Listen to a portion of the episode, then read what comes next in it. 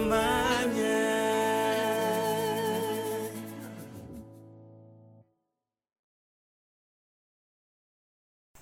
selamat malam rekan-rekan pemuda Philadelphia di mana pun berada. Nah, kita tahu bahwa situasi saat ini tidak memungkinkan kita ibadah konvensional. Kita memulai ibadah pada bulan Maret yang lalu, dan karena situasi saat ini kita hentikan kembali untuk ibadah konvensional. Jadi kita kembali ibadah melalui semi online ini. Teman-teman bisa mengikutinya dalam video ini. Jadi kita terus berdoa untuk negara kita supaya virus ini bisa dikendalikan dan kota kita khususnya saat ini yang banyak terpapar COVID-19. Data terbaru kemarin tanggal 29 April itu ada 43 orang. Jadi teman-teman mari jaga kesehatan kita, jaga keluarga kita. Mungkin kita punya imun yang kuat, tetapi di rumah ada keluarga yang harus kita selamatkan. Karena itu teman-teman Meskipun tidak memungkinkan ibadah konvensional malam ini, tapi saya himbau teman-teman bisa mengikuti video ini. Dan saya juga menyampaikan firman Tuhan renungan malam ini melalui video kali ini. Tema kita kali ini adalah Yesus yang mulia. Kita buka di dalam Wahyu pasal yang pertama ayat 12 sampai yang ke-20. Wahyu pasal pertama ayat 12 sampai 20 demikian firman Tuhan. Lalu aku berpaling untuk melihat suara yang berbicara kepadaku. Dan setelah aku berpaling, tampaklah kepadaku tujuh kaki dian dari emas. Dan di tengah-tengah kaki dian itu ada seorang rupa anak manusia, berpakaian jubah yang panjangnya sampai di kaki. Dan dadanya berlilitkan ikat pinggang dari emas. Kepala dan rambutnya putih bagaikan bulu yang putih metah. Dan matanya bagaikan nyala api.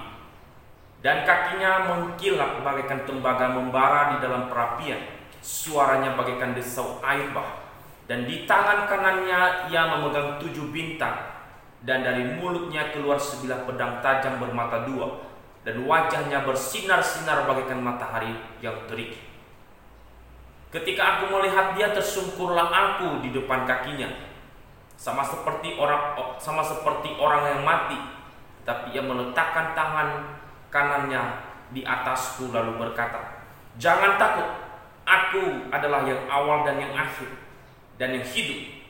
Aku telah mati namun lihatlah aku hidup sampai selama-lamanya dan aku memegang segala kunci maut dan kerajaan maut 19 Karena itu tuliskanlah apa yang telah kau lihat Baik yang terjadi sekarang maupun yang akan terjadi sesudah ini. Dan rahasia ketujuh bintang yang telah kau li lihat pada tangan kananku Dan ketujuh kaki dian emas itu. Ketujuh bintang itu ialah malaikat Ketujuh jemaat Dan ketujuh kaki dian itu ialah ketujuh jemaat. Kita berdoa. Ya Tuhan tolong kami mau merenungkan firman-Mu saat ini Berikan kami pengertian supaya semakin mengenal Tuhan kami Yesus Kristus, Allah yang kami sembah. Berkati waktu ini Bapa. Meskipun kami mengikuti dengan video ini, tapi Rohmu bekerja di antara kami. Doa kami Tuhan, demi nama Yesus kami berdoa. Amin. Dikatakan Yesus yang mulia, itulah tema kita. Nah, Yesus yang mulia itu terlihat sekali dari pembacaan firman yang kita baca tadi keempat kitab Injil baik Matius, Markus, Lukas, Yohanes mencatat peristiwa kesengsaraan, penyaliban dan kematian Tuhan Yesus. Berarti keempat Injil ini menyampaikan ke kita, membicarakan tentang Yesus yang menderita. Itulah puncak daripada pelayanan Yesus di bumi, yaitu ia mati di atas kayu salib. Ia begitu menderita untuk mengerjakan karya penebusan bagi kita. Nah, setelah Tuhan Yesus mengerjakan karya penebusan itu, teman-teman, maka apa yang terjadi kemudian? Yohanes menyoroti sisi lain daripada Tuhan Yesus, yaitu Yesus yang mulia.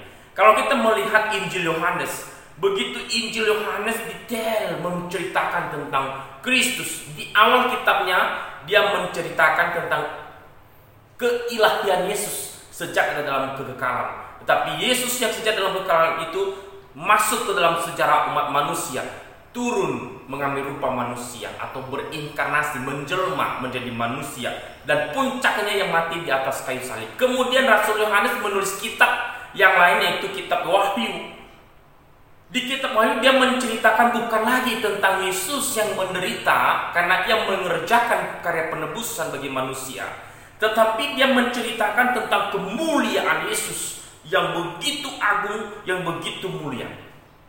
Itulah yang kita baca tadi di dalam Wahyu pasal yang pertama ini ayat 12 sampai 16. Di sana diuraikan rupa Yesus, pribadi Yesus setelah kebangkitan dan dia naik ke surga itu seperti apa? Jadi Yesus kembali ke surga, ke tahtanya semula dan Yohanes melihat dia dalam sebuah penglihatan di pulau, di pulau Patmos.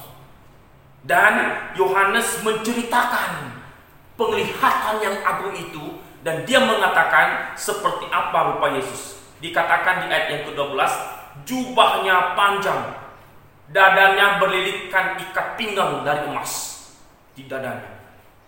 Kepalanya putih, rambutnya dan kepalanya putih. Matanya bagaikan nyala api. Ah, coba perhatikannya, matanya bagaikan nyala api. Dikatakan lagi ayat 15, dan kakinya mengkilap bagaikan tembaga membara dalam perapian.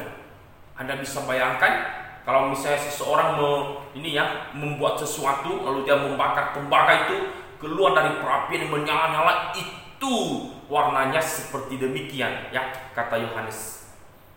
Suaranya bagaikan desau air bah. Bayangkannya berguru bergurau dan digemuruh suaranya bergemuruh dan itu begitu besar. Dikatakan bagaikan desau air bah. Dan tangan kanannya ia memegang tujuh bintang. Dan dari mulutnya keluar sembilan pedang tajam bermata dua. Dan wajahnya bersinar-sinar bagaikan matahari yang terik. Wajahnya bersinar, berarti tidak bisa dilihat seperti matahari ya. Kalau kita lihat matahari berapa detik sih bisa bertahan lihat matahari? Nggak bisa. Kita nggak bisa tatap matahari mata kita tidak mampu. Dan lebih daripada itu, ketika Yohanes menyaksikan pribadi Yesus yang mulia ini, yang sudah naik ke surga setelah dia mengerjakan karya penebus bagi manusia, dia kembali ke tahta yang semula, maka Yohanes begitu meninggikan Kristus itu sendiri karena dia melihat langsung pribadi Yesus. Sehingga respon Yohanes apa? Dia ketakutan. Nah ya, dia ketakutan. Ayat 17 dikatakan, ketika aku melihat dia, tersungkurlah aku di depan kakinya. Dia tidak mampu menahan, melihat kemuliaan Yesus yang begitu agung itu. Dia tersungkur di depan kaki Yesus. Dan dia dikatakan apa? Seperti orang mati. Tidak ada seorang pun yang bertahan di hadapan Allah yang maha mulia, yang maha kudus, yang maha agung itu. Tanpa Allah memancarkan kemuliaannya terlebih dahulu pada seseorang. Waktu Yohanes melihat keagungan Kristus, maka dia seperti orang mati tidak mampu bertahan di hadapan Yesus yang mulia itu. Tetapi ingat, Yesus memegang dikatakan Yesus memegang dia ia meletakkan tangan kanannya ke atas. Dengan itu Yohanes layak di hadapan dia. Dan itulah kita, gambaran kita orang berdosa. Kita tidak mampu menghadap Allah yang kudus yang mulia itu di dalam kerajaan surga karena dosa kita, teman-teman. Tapi Allah melayakkan kita, menguduskan kita melalui kematian putra Tuhannya, Yesus Kristus. Sehingga engkau dan saya layak di hadapan Allah itu. Dosa kita diampuni, disucikan, dilayakkan. Ibarat kain kotor yang begitu kotor, bau. Kemudian di laundry, dicuci, bersih. Demikian hidup kita. Diampuni oleh Tuhan, disucikan oleh Tuhan sehingga layak di hadapan dia. Dan Yesus Allah yang mulia itu berkata kepada Yohanes, "Jangan takut. Aku adalah Allah yang kekal." Jadi dari firman ini kita melihat pribadi Yesus yang pertama, rupa Yesus yang begitu agung seperti yang saya jelaskan tadi. Yang kedua, kita melihat Yesus Allah yang kekal dan Allah yang hidup. Ia berkata kepada Yohanes demikian, "Aku adalah yang awal, alfa dan omega. Aku yang awal dan yang akhir. Aku hidup. Allah kita bukan Allah yang mati. Allah yang kekal. Dia yang awal, dia yang akhir. Allah selama-lamanya. Yesus Kristus Allah yang kekal. Itu Allah yang kita sembah. Bukan Allah yang mati. Allah yang begitu mulia. Ketiga, kita bisa melihat di sini, Yesus bukan saja Allah yang kekal, Allah yang hidup, tetapi dia hakim yang adil yang nanti dia hakim yang adil. Di dalam ayat yang ke 18 bagian B. Sampai selama-lamanya dia Allah yang hidup dan dikatakan aku memegang segala kunci maut dan kerajaan maut. Kerajaan maut ada di dalam tangannya. Dia telah menaklukkan maut dan segala kerajaan maut ada di dalam kuasa Yesus. Pada akhirnya nanti semua orang-orang yang mati itu akan dihakimi dan Yesus yang menjadi hakim. Orang yang percaya kepadanya akan mulai hidup yang kekal dan orang yang tidak percaya kepadanya akan mengalami maut, kematian yang kedua. Yesus hakim yang adil. Itu gambaran pribadi Yesus yang mulia. Dan juga kita melihat di sini Yesus pemilik jemaat. Di ayat yang ke-20 dikatakan dan rahasia ketujuh bintang yang telah kulihat pada tangan kananku yang telah kau lihat pada tangan kananku Dan ketujuh kaki dian emas itu, ketujuh bintang itu ialah malaikat ketujuh jemaat dan ketujuh kaki dian ialah ketujuh jemaat. Jadi Tuhan Yesus pemilik jemaatnya dan ia yang menjaga jemaatnya. Jadi teman-teman, dari firman ini dapat kita melihat di sini. Jika kita mengenal dan mengerti Yesus yang mulia itu, maka tidak pernah kita malu untuk menceritakan dia kepada banyak orang.